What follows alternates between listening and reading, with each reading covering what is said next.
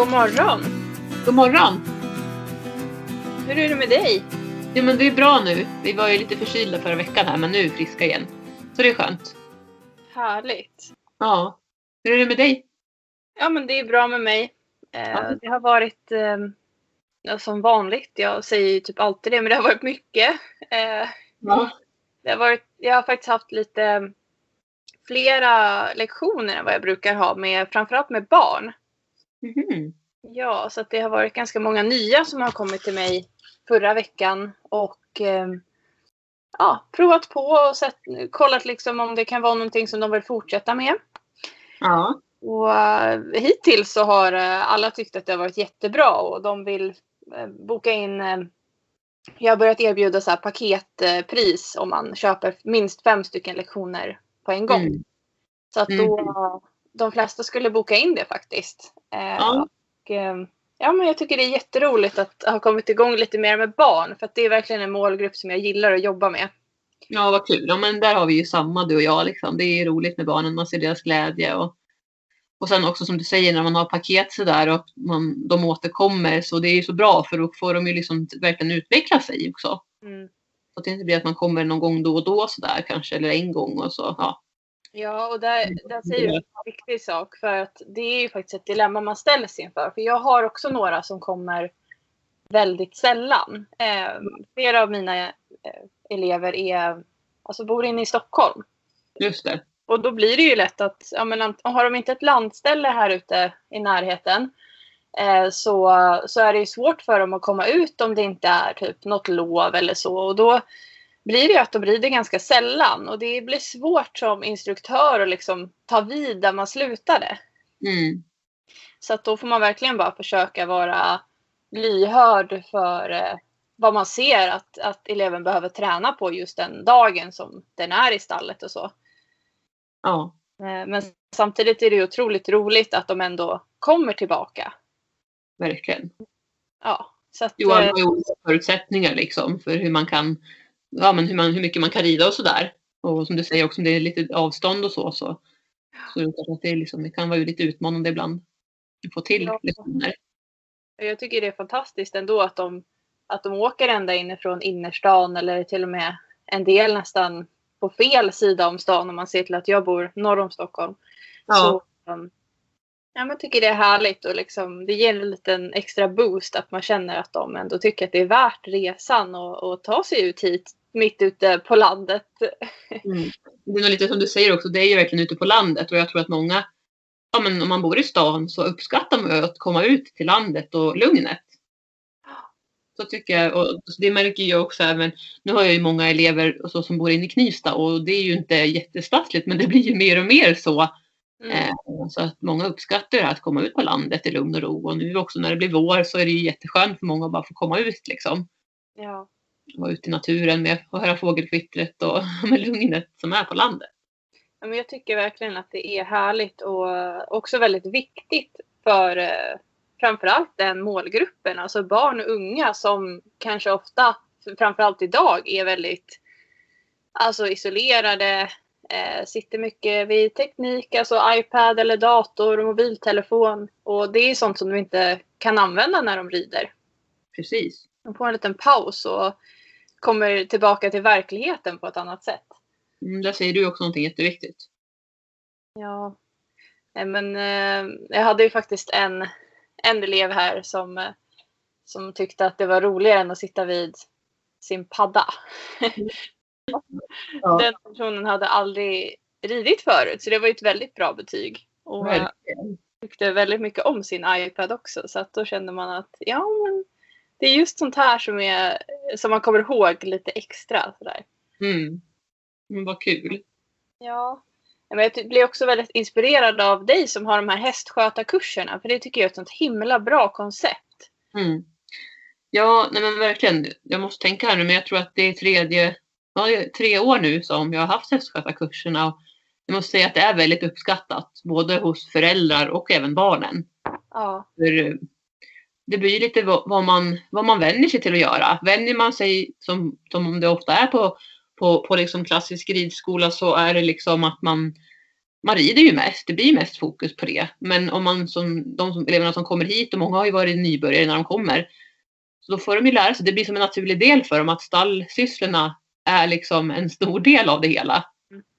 Eh, sen så rider ju vi i stort sett på varje lektion eller kör eller löshoppar eller tränar från marken. Det liksom kan vara lite olika saker vi gör. Men det är oftast liksom att vi gör någonting aktivt med hästarna mer än att bara vara i stallet. Det är i första lektionerna så brukar vi vara i stallet och liksom det här med att lära sig att läsa av hästens kroppsspråk och eh, vad säger hästen nu och det här med att känna in hästen på vilket humör den är och sådär. Eh, ja, men så här lite säkerhetsrutiner och sånt också. Hur man ska förhålla sig runt hästen och, och, och sen får de borsta och krassa hovar och sånt. Och så brukar vi ibland gå ut och leda hästarna på ridbanan som första delen på lektionerna. Och sen så, så kan de rida sen. Så att de får de här grunderna från början. Jag tycker det är jätteviktigt också för att känna sig trygg sen uppe på hästryggen. Att förstå hur, hur fungerar hästen från marken? Hur kan jag lära mig att läsa av den och så? För att det, det är inte alltid man får den biten som sagt på ridskola.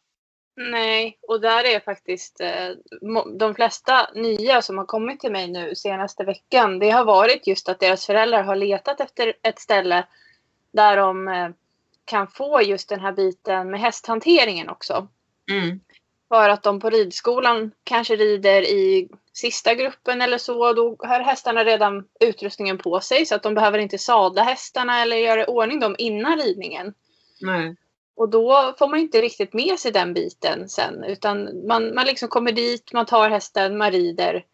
Och sen får man väl ta av utrustningen då om man rider i sista gruppen. Men eh, det är ändå inte alla de här viktiga bitarna som man, som man behöver. Och för att förstå hästen också, som du säger, hästens signaler och ja. hur hästen är. För det upplever jag också, det beror ju på hur man är som person. En del barn är ju mer framåt och kanske lite mer orädda medan en del är försiktiga och så. Eh, och då är det ju inte, alltså det är åt båda hållen. Oavsett om man är framåt eller inte så behöver man ju, tycker jag i alla fall att det är så himla viktigt att man lär sig att läsa av hästen. För om man inte förstår det, men då blir det väldigt läskigt att vara nära hästen till exempel, för man är rädd att bli trampad, man är rädd att hästen ska gå på en om man leder till exempel. Så man kan verkligen se att en del barn i början, de vill verkligen hålla avstånd och liksom så fort kanske hästen slänger lite med huvudet eller vänder sig i någonting eller kommer med sin mule och liksom ska nosa så blir de rädda. Och mm. om man då kastas upp på hästryggen det första man gör, det blir ju, det tycker jag blir lite konstigt faktiskt då jag skulle inte själv känna mig riktigt trygg. Eller så blir det som en falsk trygghet att man vågar sitta på hästen men man vågar inte ta hand om den från marken. Alltså där säger du faktiskt någonting som jag upplever att även många vuxna gör. Att de, mm. de hellre sitter uppe på hästen än att hantera den från marken. Ja. Och det är säkert, det grundar sig nog i att eh, man inte riktigt får den biten så mycket om man går på en ridskola eller så. För att vi, när jag gick på ridskolan då var ju jag där mycket utöver lektionstiden också och då gjorde man ju mera liksom markjobb eller så. Alltså ja. borsta hästarna och, och gick runt och fixade i stallet och så. Men, eh, men annars generellt så är det ju så att många ridskolor de behöver ha många elever och schemat liksom rullar på och då finns det inte så mycket utrymme för att man ska få det här teoretiska från marken, även det praktiska. Nej men verkligen. Så, ja men där är, jag kan tycka att många behöver faktiskt, eller skulle behöva, eh, komma ut och, och få lite mera kunskap kring eh, hur hästen fungerar och det här med hantering och, och så. Verkligen. För alla hästar är ju också olika. Alltså, mm det här med hur man kan, alltså hur hästens kroppsspråk är, alltså det är ju samma liksom på alla hästar, men alla hästar är ju olika i sättet på sitt humör. Um, så att, uh, till exempel, jag kan ta ett exempel, Gingis han kan ju vara lite nafsig ibland och framförallt när det är nya elever för då, är, då vill ju han vara dominant och ledaren så då kan han vara lite så här, försöka du vet, skrämmas lite grann. Aldrig, hästar är ju ärliga så de är ju liksom inte elaka så på något sätt men de utnyttjar situationen när de känner att en människa kanske till exempel visar att de inte med mitt kroppsspråk är tillräckligt mycket, att de är liksom någon som man kan lita på till 100 procent. Mm. Eh, och då, kan ju, då i Jingis fall så kan han vara lite nafsig och lite så här, han vill gå först. Så fort han då kommer om eleven, då blir han jätteglad. liksom, för då känner han att han lyckas. Och sen kan han gå och äta gräs och sådär, lite typiskt ponnyfasoner. Ja. Eh, Men, liksom, men Herman han skulle liksom aldrig gå på någon eller sådär utan han, han eller nafsa överhuvudtaget. Han, han håller sig, rättar sig i ledet liksom. Däremot kan han bli lite förvirrad om han känner att inte eh, liksom eleven riktigt vet vad de vill. Och det gäller ju egentligen alla hästar mer eller mindre. Men det kanske stannar och väntar, upp, väntar in eleven och liksom vad ska jag göra nu? Och vi, liksom svänger lite med öronen så där för att de, för att de vill liksom läsa av kroppsspråket. Eh, Medan en del då kanske bara går på och tar för sig. Men jag kommer ihåg till exempel när jag stod uppstallad på stall i, i Stockholm och vi skulle, jag skulle hjälpa till med in och utsläpp och en del hästar de sprang ju rent ut sagt över en om man skulle leda in hästarna för att de hade inte fått lära sig det här med att visa respekt för människan. Eh, så en del sprang ju typ över en så man var ju många gånger lite rädd faktiskt för vissa hästar. Det var inte så att man kunde ta tag i, det själv utan mm. det måste ju ägaren göra. Eh, Medan hästar var jätte, de andra hästar var jättelugna och liksom följsamma. Och det tror jag ja, eh, kan skapa en osäkerhet hos många om man inte har den kunskapen. Hur ska man göra? Mm. Ja absolut. Och en annan sak som, som jag har eh, pratat med föräldrar om nu i veckan det är att eh, några av föräldrarna som har kommit hit är ju själva eh, rädda för hästar. Ja de känner liksom den här en enorm respekt och de blir osäkra för de tycker det är stora djur och så. Precis. Eh, men att de ändå då på många ridskolor, framförallt för mindre barn, där behöver ju föräldrarna vara ledare till sina barn. Ja. Och att de då blir otrygga i det för att de egentligen, de tycker att det är lite obehagligt att gå och leda hästen och då ja, så får de inte heller redskapen kanske för att veta hur man ska göra eller hantera det och då blir det inte jättebra där heller. Nej, för då känner ju hästen också av det. Att den vuxne är lite otrygg. Liksom. Och då, ja, det blir, det blir inte så avslappnat och bra kanske som det skulle kunna vara. Nej. Så det kan ju vara, vara ett litet problem eller vad man ska säga. Men jag tycker verkligen att känner man så att man känner sig osäker det minsta med hanteringen från marken så ta hjälp där och, och kolla om det liksom går åt där, där man bor. Kan man ta någon lektion eller lära sig mer om hanteringen från marken? För ja, det, det, liksom, det finns ju mycket hjälp att ta där så att man inte behöver vara rädd eller osäker. Sen tycker jag man ska alltid ha respekt för alla djur och framförallt på hästar för att de är väldigt stora och starka. Men man ska inte vara rädd för dem. Nej, och sen tycker jag att det är jättebra och väldigt fint att man vågar berätta att man tycker att det är obehagligt eller så. För det är inte alla som vågar det. Så det vill jag verkligen uppmuntra folk till att göra. För det är inget fel med att man tycker att det är obehagligt. Och jag kan också bli osäker i vissa situationer. Det, det tror jag alla kan känna igen sig i. Att man någon gång åtminstone blir otrygg eller liksom inte vet hur man ska hantera en situation. Verkligen, men jag håller med där. Jag blir också osäker eller otrygg i vissa situationer. Eh, bland annat så kan det ske för mig i ridningen till exempel nu när jag har skaffat min nya häst Abbe. Mm. Eh, så att det, jag tycker absolut att man ska tala om det. För att det är på så sätt som man kan utveckla sig själv och, och få rätt hjälp så att man kan komma över sin rädsla.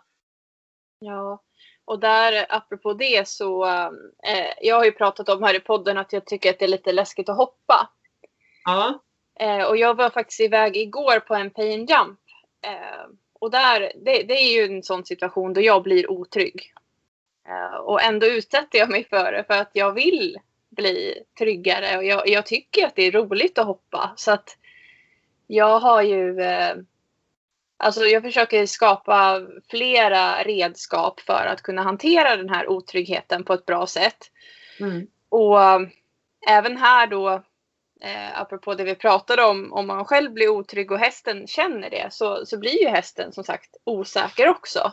Mm. Så um, igår då när vi var på Pain Jump så blåste det också väldigt mycket. Eh, min häst mm. brydde sig inte jättemycket om det.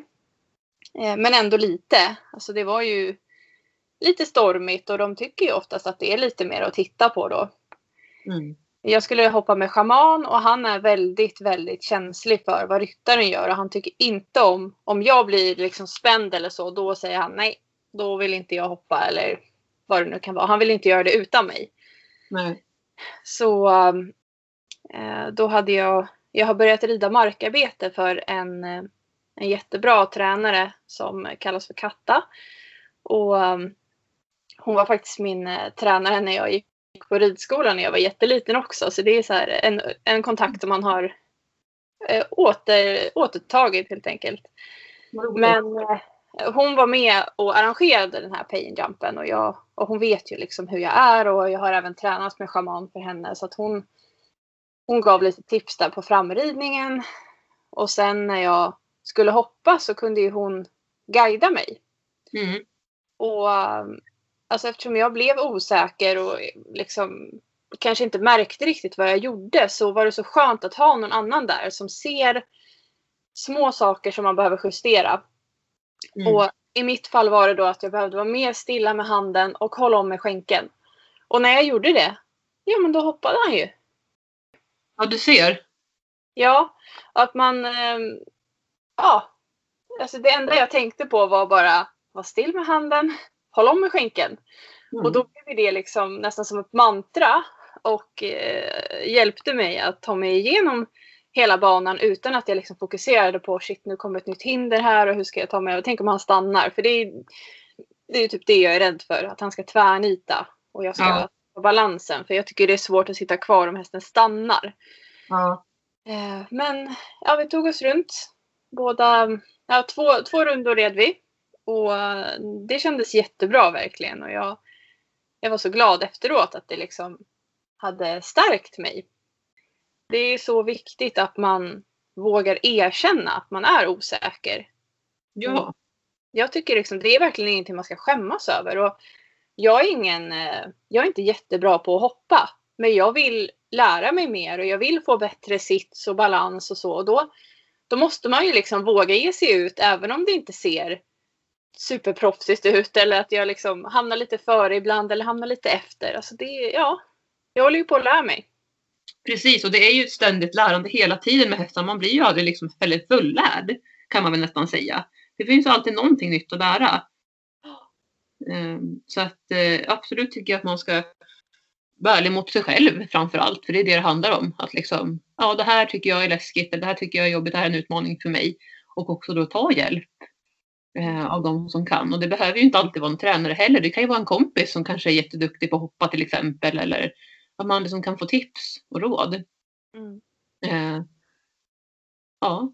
Ja, nej, men det är viktigt att eh, visa upp när det inte går perfekt också. Eller att prata om det. För eh, det vi ofta ser i sociala medier idag är ju bara när det går bra. Liksom. Ja, det är ju ofta mer perfektionsdelen liksom som, ja. Som många visar upp. Och ja, det, det kan ju ge lite fel bild liksom. För då, det är lätt att tro att ah, men det går så bra för, för alla andra men inte för mig. Men så är det ju faktiskt inte. Alla har utmaningar, så är det bara. Det finns ingen som har en spikrak väg liksom, framåt. Nej. Utmaningar för alla människor. Oavsett om det är inom hästsporten eller inte. Mm. Jag tycker det är mer inspirerande att läsa eller, eller lyssna eller kolla på folk som berättar om, alltså våga, våga berätta om misstag eller eh, erfarenheter som de eh, har fått om att de kanske inte gjorde rätt vid något tillfälle och att de har insett nu att just det, men varför gjorde jag sådär förut? Ja, men nu har jag ändrat mitt eh, sätt att hantera min häst på för att bla bla bla. Alltså att man, att man vågar erkänna att man kanske inte alltid har gjort rätt. Precis. Och det är också för att andra kan lära sig av det. Liksom som du säger, det är inspirerande att höra hur andra har gjort eller liksom hur, ja, vilka motgångar man har haft och hur man har också då tagit sig förbi det till exempel. Mm. För att det var att man själv sitter med samma problem eller liknande problem och tänker att ah, men just det, kan, det är sant, det skulle jag också kunna testa med min häst eller vad det nu kan vara. Man, ja. hjälper varandra. Ja, och där, eh, jag pratade faktiskt med min tränare om det i veckan, förra veckan som var. Eh, just att hon har ändrat sitt sätt att Alltså hela hästhållningen, allting har hon ändrat. Eh, hon träffade John Rickett som är en eh, horsemanship-tränare. Ja. Hon träffade honom för två år sedan tror jag hon sa. Och har sedan dess tränat regelbundet för honom. Och hon var en sån här, hon liksom tyckte att om hästen inte gjorde som, som hon ville. Då, då använde man spö eller sporrar liksom. För det var så man har blivit uppfostrad. Mm. Men eh, alltså det, det blev ju bara att han låste sig mer och mer hästen. Och sen så när hon träffade John så bad han henne leda hästen på gårdsplanen. Och hon tyckte ja, ja, men det är väl inga problem liksom. Mm. Han bara, men du kan inte ens leda din häst. Hon bara, va? Och sen, eh, alltså hon pratar ju väldigt öppet och även skriver väldigt öppet om den här resan som hon har gjort och vad hon har insett under den här resan. Att vilka saker hon har gjort totalt fel. Eh, och vad hon nu har ändrat som är jätterätt för hennes häst. Mm. Jag tycker det är jätteinspirerande att lyssna på någon som, som verkligen vågar outa sig. För det är inte vanligt. Nej. Nej. Nej men vad häftigt, vad härligt att höra. Ja, jag blir liksom verkligen inspirerad av sådana människor som är Ja. starka och liksom, och hon sa själv också att hon tycker att hon har blivit en bättre människa sedan hon började jobba med de här horsemanship-övningarna och att hon har fått mer tålamod och blivit lugnare. Ja, det är sånt som jag också kan känna igen mig i. Alltså Mm. jag, jag, man tar ju med sig allting som man gör med hästen in i sitt arbetsliv eller sitt privatliv. Alltså, man blir så... Man utvecklas så mycket. Verkligen, jag håller med där. Och som du säger här med tålamod. Och, och inte ha för bråttom och ta det lugnt. Det tycker jag i alla fall är någonting. Visst, jag är, en, jag är en, i mig själv en ganska lugn person. Men jag har också lätt, så det är klart att jag också kan stressa upp mig och vill att det ska gå fort fram och sådär. Men det har jag verkligen lärt mig, framförallt med hästarna, att eh, ha tålamod, ta det lugnt. Stressar man upp sig så känner hästen det på en gång och då blir det oftast värre. Oavsett vad det är man liksom ska göra. Eh, Så det kan vara en grej liksom. Men det finns ju massor att lära sig och ändra på också för många tror jag. Mm. Man är ständigt under utveckling och jag känner framförallt för min del är det mycket ridningen just nu med Abbe. För han är en ung häst, han är ändå ganska grön. Och jag är ändå ganska nybliven trebarnsmor och har ridit ponny hela livet. Så att det är ju mycket. Och jag har också ridit mycket västerlinje ska jag säga och det skiljer sig också mycket från det jag, vi, jag tränar med Abbe nu liksom. Eh, så att eh, man är ständigt under utveckling och det är det som är det häftiga. Man får inte glömma bort att det är den här resan man gör med sin häst eller med sig själv som är så häftigt. Det gäller liksom, även om det kan vara jobbigt stund, stundvis, eller ganska ofta också, så gäller det att njuta av den resan. Men helt plötsligt så når man sitt mål. Eh, och då är det viktigt att man liksom verkligen har, har lärt sig saker på vägen och verkligen reflekterar över det tycker jag. Ja, jag håller med där. Det är, alltså, man behöver ju ibland analysera och reflektera över varför det inte gick som man ville. Men jag tycker ofta att det är bäst att göra det i efterhand. Ja, Eh, För att alltså, när någonting precis har hänt eller man, det kanske inte har gått så bra. Man säger att man hoppar en bana och så, så gick det inte alls så bra. Eh, Mm. Och då är man ju kanske modfälld och mår lite dåligt över det där direkt efteråt. Och då tycker jag verkligen inte att man ska bara börja nej, analysera. För att då blir det oftast negativa tankar bara som kommer upp. precis. Så att det är bättre att liksom, okej, bryta ihop lite grann. Och sen när man fått distans till det, då kan man gå tillbaka och fundera på, ah, men just det, det här som jag gjorde här, nej men det var ju inte så bra. Nej, Och då är det lättare att ha lite självdistans, så att man inte är för hård mot sig själv heller. mm, Men, det har du helt rätt i. Ja, nej, men det, är- det är så mycket psykologi i eh, ridsporten som eh, jag tycker är så fascinerande. Mm. Eh, och man, eh, ja, eh, jag tycker det är häftigt. Jag slutar aldrig att vara liksom ödmjuk över hur, hur mycket hästarna utvecklar oss på det mentala planet också. Mm. Det är fantastiskt.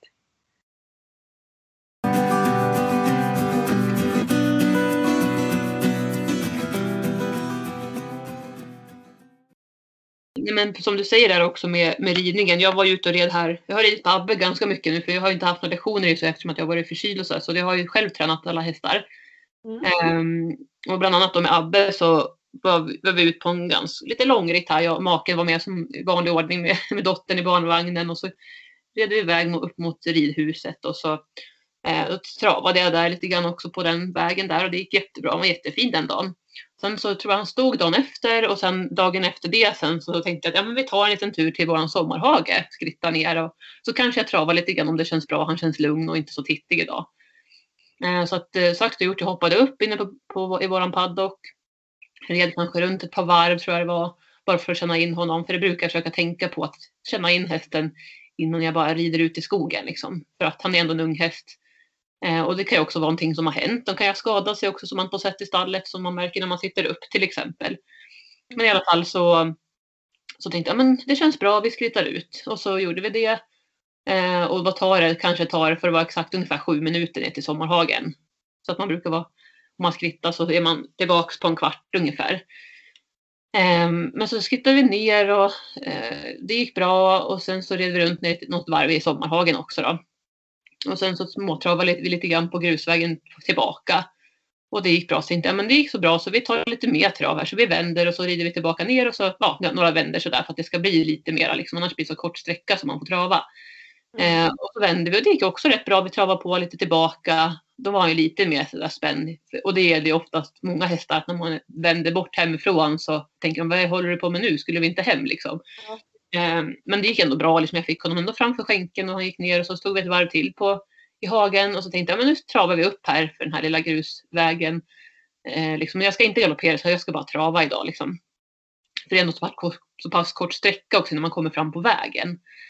Eh, men då i alla fall när vi kom från den här uppförsbacken då ville han nästan galoppera. Han travade men liksom, det var lite mer mer känsla för att han ville ta galopp där. Mm. Men jag höll ju tillbaka då för jag tänkte nej vi ska inte galoppera utan vi ska trava. Och det skulle jag nog kanske inte ha gjort riktigt. Jag kanske skulle ha låtit honom travat där i efterhand. För då började han ju takta och det blev bara värre och värre.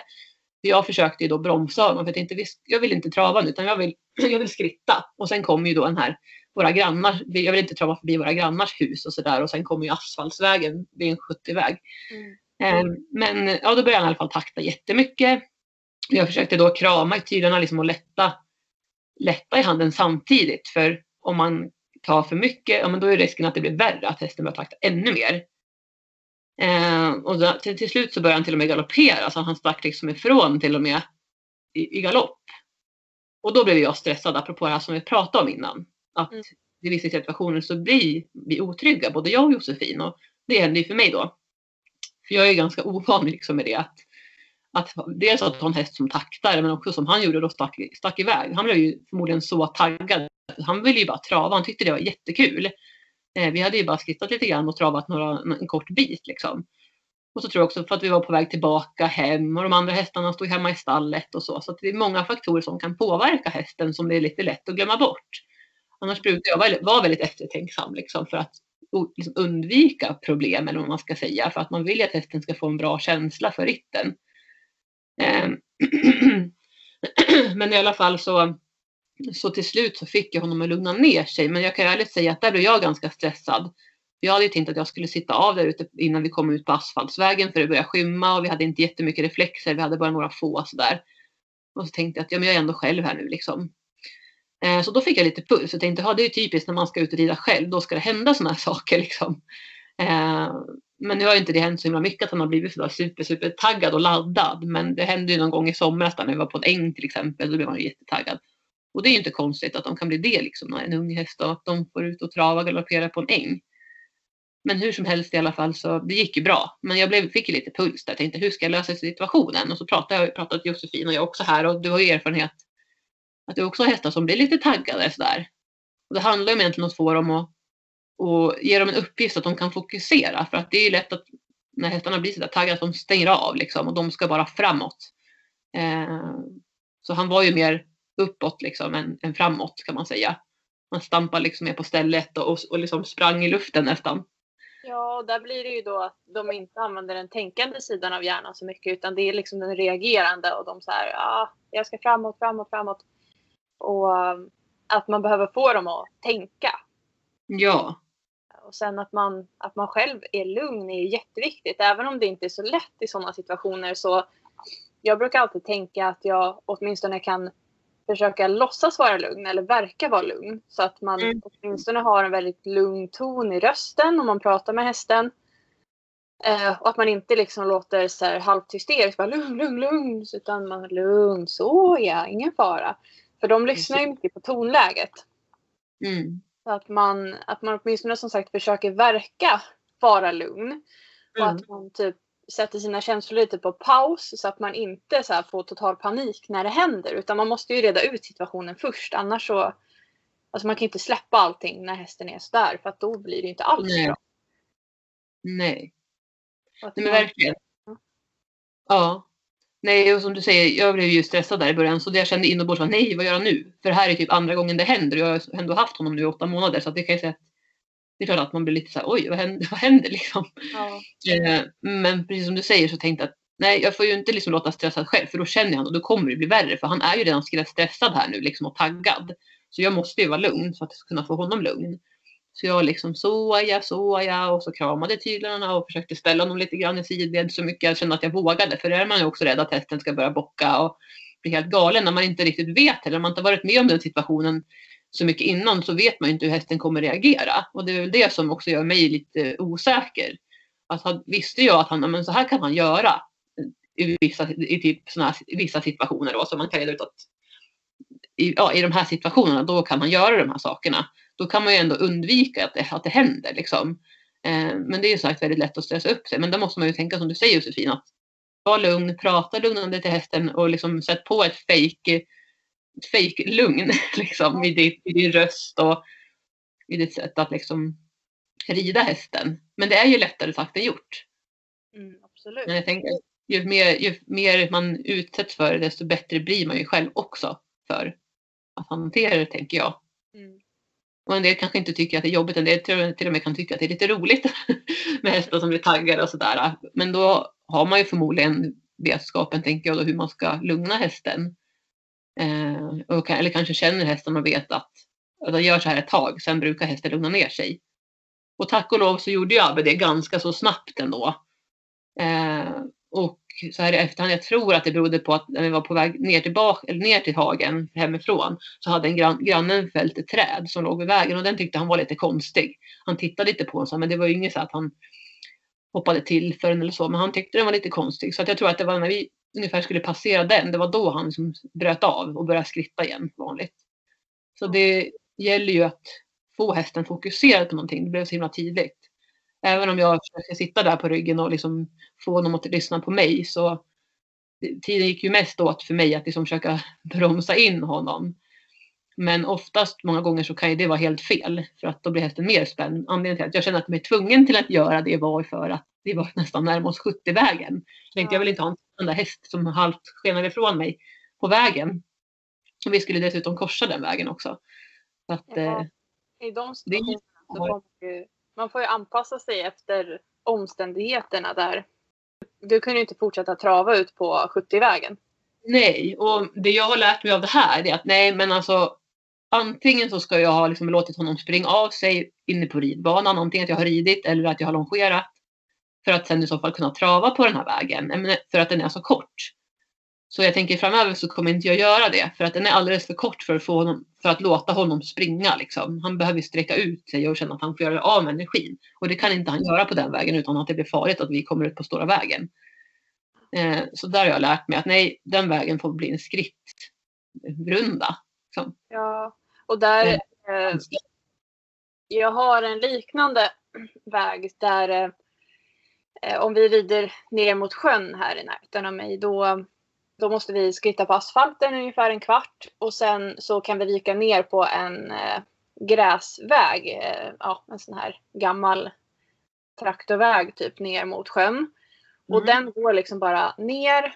Det kanske tar ja, fem minuter att skritta ner. Och sen måste man vända och rida tillbaka. Och ibland har vi gjort Mm. så då, när jag haft barnlektioner att vi har travat ner på den vägen och sen travat tillbaka och sen vänt, precis som du berättade att du gjorde, och så vänt, travat tillbaka och sen vänt igen och travat. Och då så blir ju hästarna eh, lite mera taggade för att de vet att ja, men vi ska vända och då ska vi trava och så är det hemåt och så då kan man känna liksom att oj, men nu vet de precis vad som ska hända och så blir de liksom lite extra exalterade och kan nästan till och med vilja ta galopp eller så. För de är ju också, Ja, precis. alltså de är ju vanedjur och de gillar rutiner. Så har man Mm. gjort samma sak ett par gånger, Det är ju som man har, kanske har något specifikt ställe där man brukar galoppera med hästen ute. Om man alltid galopperar ja. då kan man ju ge sig sjutton på att hästen kommer ta galopp där även om inte du säger det för att ni brukar göra så. Precis, det räcker med att man bara liksom ger någon liten, liten, liten signal till att man kanske tänker galoppera eller någonting så vet hästen det på en gång. Den är otroligt känslig för, för hjälperna då ju framförallt. Ja. Så ja jag att eh, framförallt kanske med en ung häst så blir det extra tydligt då. Eh, Herman eller de som är lite äldre kanske kan hantera och bara ja, ja, vi ska bara vända och så ska vi göra samma sak igen. Men Abbe blev lite så här, oh, oh nu ska vi springa åt det här hållet också. Och så gick han upp lite i varv med, i och med det, tänker jag. Precis. Ja, och precis som du säger, jag med, med bland annat med elever och jag själv brukar ju ofta, Eh, liksom när jag rider på Herman, vi brukar rida den här svängen rätt ofta och det kan vara allt ifrån trav och galopp och liksom vi jobbar i den här uppförsbacken också i galopp och sådär och, och han, det har ju aldrig varit några problem liksom. Så det är lätt. Nu har jag ju lärt mig efter den här gången att Abbe funkar inte som Herman och Djingis. Det vet jag ju. Liksom, det är så lätt att man bara, nej men det går bra liksom. Um, ja, och med elever också så gör jag så precis samma som du säger där, att jag brukar rida den här svängen med hästarna och det går jättebra med Herman Djingis. Absolut, de blir lite mer taggade och sådär, men det tycker jag bara kan vara bra ibland för att på ridbanan många gånger så kan de bli lite slöa istället. Med elever som behärskar det så är det jättebra att rida ut den här svängen. Mm. För att då får de trava rakt fram till exempel och de får också träna på Um, att sakta av hästarna och liksom göra halt även om de är taggade och sådär. Men Herman Ingis liksom kan ändå behålla lugnet. De blir inte som Abbe blev den här gången. Mm. Fortsättning följer får vi se hur vi utvecklar det vidare. Vi ska ut och rida idag jag och min medryttare på Herman och Abbe. Så då får vi se då. Jag hoppas att han inte blir så när vi är långt hemifrån att han ska då hålla på och takta hela vägen hem. Nej. Nästa liksom, ja, utmaning att se. Men som sagt, dagen in, eller gången innan jag red Abbe där, då var han ju jättefin och då travade vi ut på, på en annan väg så det var inga problem. Och vi vände också tillbaka för att möta upp maken och sen så vände vi igen och det var ju inga problem. Så att eh, man vet aldrig. Det kan ju vara bara att han var på ett sånt humör den dagen eller för att vi var också väldigt nära hemma. Kanske. Mm. Mycket möjligt att det var så. Han blev liksom extra exalterad och tänkte att nu är snart hemma här. Nu ska jag hem till mina, mina kompisar Herman och Gingis. Och så. Ja och sen mm. som du säger också det här med att bromsa Eh, jag har ju mitt fullblod, han kan ju bli ganska taggad. Speciellt om man hamnar bakom. Han tycker inte om att bli lämnad av ja. Eh, och då om man bromsar honom och liksom plockar och plockar i tyglarna då går han bara mer och mer uppåt istället. Alltså sparkar bakut eller bockar istället för att gå framåt. Eh, och där tror jag mm. att man Många gånger så har man ju som reflex att man bara vill bromsa hästen om den blir väldigt taggad och börjar liksom studsa. Men att man ändå ja. försöker att våga lätta lite i handen och låta honom gå framåt. Eh, inte, alltså du menar jag inte i liksom full galopp utan man kanske kan trava mm. lite framåt i alla fall. Men, och samtidigt då hålla mm. hästens fokus. Jag brukar försöka rida hästen i mm. form då eller liksom böja och ställa lite och så. Eh, och det vet jag funkar jättebra på Bullen. För jag har haft honom många år och jag känner honom. Och jag vet det är det bästa på honom. För bromsar du då blir det inte bra. Han, då blir han mera stressad liksom. Och det, det hänger ju säkert mm. ihop med hans galoppkarriär tänker jag. Säkert. Ja, så att man får ja, liksom ja. sina redskap. Ja. Nej, jag tror att det är exakt samma med Abbe också. Hade jag låtit honom trava så hade han säkert lugnat sig. Jag tror inte han hade stuckit iväg. Kanske att det hade gått lite fort i traven men att man då hade säkert hade kunnat bromsat in honom och fått honom följsam och samlad genom att man då hade, som du säger, liksom böjt och, och så honom. Så hade, hade det säkert funkat. Men ja, utmaningen här var ju att vägen var för kort. Så det jag får lära mig var att det är inte någon bra sträcka att trava på eftersom att den är för kort för honom. PRE är ju en ras som har otroligt mycket energi. Det är väldigt svårt att trötta ut en PRE faktiskt. Ehm, de, ja, de blir i stort sett inte trötta liksom. Sen är de ju också avlade för tjurfäktning så det är ju mycket energi och match och attityd liksom, på den rasen. Ja. Så ja, man får bara lära sig att hantera sina olika hästar för man får inte glömma bort att alla är olika. Och, men det är också så man lär sig. Jag tänker så att för min del så jag lär mig ju saker hela tiden med Abbe. Som, det är ju liksom både ny ras och också en stor häst som jag inte heller har ridit speciellt mycket. Eh, under de här åren som jag har varit hästägare så har jag alltid ridit ponny och vi pratar ju 21 år liksom som jag har ridit ponny. Ja. Det är klart att det blir en utmaning och lite annan energi. Även om ponny också kan ha jättemycket energi, det är inte det men ja, det är olika, olika raser, olika hästar. Man lär sig som sagt hela tiden, både häst och ryttare. Ja, verkligen. Mm. Det gör man. Eh, är det någonting annat som har hänt hos dig? Eh, ja, ska jag fundera lite.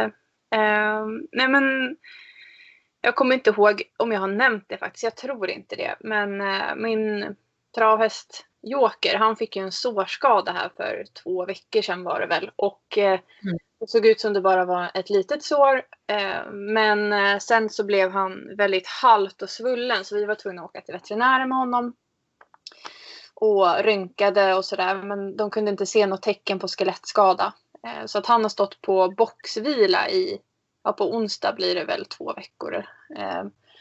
Och Mm. ja, så det har varit så här extra mycket skötsel av honom. Mycket mockning på dagarna och liksom bandagebyte och i början fick han ju medicin också. Mm. Men nu på onsdag ska han tillbaka till veterinären och såret ser väldigt fint ut. Så jag hoppas att eh, röntgenbilderna kommer att eh, bara visa att det inte var någon skelettskada nu. Så, så får vi hålla lite tummarna för honom. Mm, verkligen. Mm, nej men så att det, det har varit lite synd om honom. Men samtidigt så har jag känt att eh, alltså han har varit väldigt stressad i stallet tidigare. Han har inte alls tyckt om att bli lämnad och sådär. Och jag tänkte när han skulle stå på boxvila att oj, hur ska det här gå? Han, äh, det kommer ju vara kaos liksom. Men jag tycker faktiskt att den här boxvilan har gjort att han har blivit lite lugnare. Och jag vet inte vad det är men, eh, men kanske att han liksom har börjat tycka att stallet är lite mer behagligt att vara i. Mm. Eh, och att han liksom tycker att det är okej att inte vara med hela flocken hela tiden. Och att ja, men han har blivit lite mer kontaktsökande. Så att jag tycker ändå jag har blivit positivt överraskad över hur, eh, hur det har funkat att ha honom på box. Vad, vad roligt att höra. Ja, Jag vet att du nämnde det, att du var lite orolig för hur det skulle gå. Eh, Så det är jättekul att höra att det, liksom, att det bara var egentligen nyttigt på det viset i alla fall. Då. Ja, men jag känner att det jag blev positivt överraskad som sagt och, och har börjat tänka att ja men boxvila, det man kan faktiskt använda det som ett redskap i, eh, i många syften när det gäller eh, ja, att, att komma hästen närmare och, och så vidare. Mm. Ja, Nej, men det är väl det som har varit i mitt liv. Ja, och Abbe han tappade ju sin baksko här som vi plastade för tre veckor sedan. Först fick jag för mig det två veckor sedan, men tiden går ju så snabbt så att vi insåg att det var ju tre veckor sedan vi gjorde det. Så var din pappa då som skor-Abbe sa ju det att ja, men de har suttit bra ändå, de har suttit länge ändå liksom. Och nu Ja. när det blev lite lerigt och sådär ute så är det inte så konstigt heller om det släppte. Så det släppte när vi var upp till ridhuset där, eh, ja när vi skulle longera så då flög den av. Ja. Eh, men den satte vi tillbaka här då i helgen så att eh, han hade, de hade hunnit växt, eh, växt på sig till och med. Så eh, vi behövde inte plasta den här gången. Så får vi se nu bara hur länge de sitter nu då. Men nu är det ju bara några veckor kvar så behöver vi sko om alla häst- hästar igen. Så Ja. att eh, ja, det var ändå bra att vi kunde slå på skon utan att plasta den här gången. Tre veckor senare då. Men det var ju jättebra att det har blivit sån skillnad. Ja, och din pappa sa att han har bra, bra tillväxt så, så att, så att eh, den här trasiga hovväggen hade liksom ja, börjat växa, växa ner så att det var bara att raspa lite grann och sen gick det att sätta i sömn där då. Så det var bra. Fortsättning följer när det gäller det där då. Se hur det... Ja, verkligen. Mm. Det är spännande. Men det Ja. känns just i alla fall hoppfullt med det. Ja, det är väldigt viktigt att få ordning på det tänker jag. Och det är jättebra att det redan nu har vuxit så mycket på hoven så att man faktiskt, för det fanns ju ingenting att spika i riktigt förut. Nej, precis. Därav plastningen.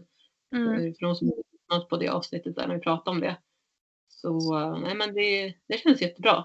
Och jag längtar ju till den dagen när han har riktigt bra hovar och förhoppningsvis man kan slippa tappskor och sånt. Att hovväggen är stark och fin. Och att han också breddar, breddar hoven lite och att också vi kan liksom få ner trakterna lite mer på honom. Nu har vi ju börjat med det liksom så att det är ju ändå på god väg. Men han, men han har ju väldigt höga hovar. Om man tittar på när han kom så det är ju stor skillnad nu då. Men vi har ju fått göra det över lång tid. Man kan ju inte ändra hästens hovar för snabbt utan det måste ju ta lång tid innan man, ja, att man tar lite i taget liksom. Nej men vi säger så så um, får vi se vad vi pratar om nästa vecka. Ja, Ja, vi får se vad som har hänt då. Hoppas att eh, våren nu eh, är här. För eh, nu ska det bli lite varmare igen. Och eh, Mm. dessutom så har vi fått tillbaka våra sommargäster. Eh, eller vad man ska kalla dem för. Vi, vi hade ett gäng hägrar som bodde i skogen här vid vårt stall. jaha. Och eh, de har flyttat tillbaka. Så att det känns som ett eh, vårtecken faktiskt. Ja men det låter det ju som verkligen. Ja. Och om inte ni som lyssnar på podden vet hur hägrar låter så googla det så får ni veta hur det låter hos oss typ hela dagarna som skrämmer mina stackars elever. Åh. Ja, de låter lite som dinosaurier men eh, de är väldigt eh, gulliga som har sitt bo där i skogen. Ja, jag måste in och lyssna då hur de låter för det vet jag inte. Nej, Men man kan. När, du, när man hör det så kanske man känner igen det. Apropå det så har vi, vi får ju som en sjö här nedanför oss på våren och hösten.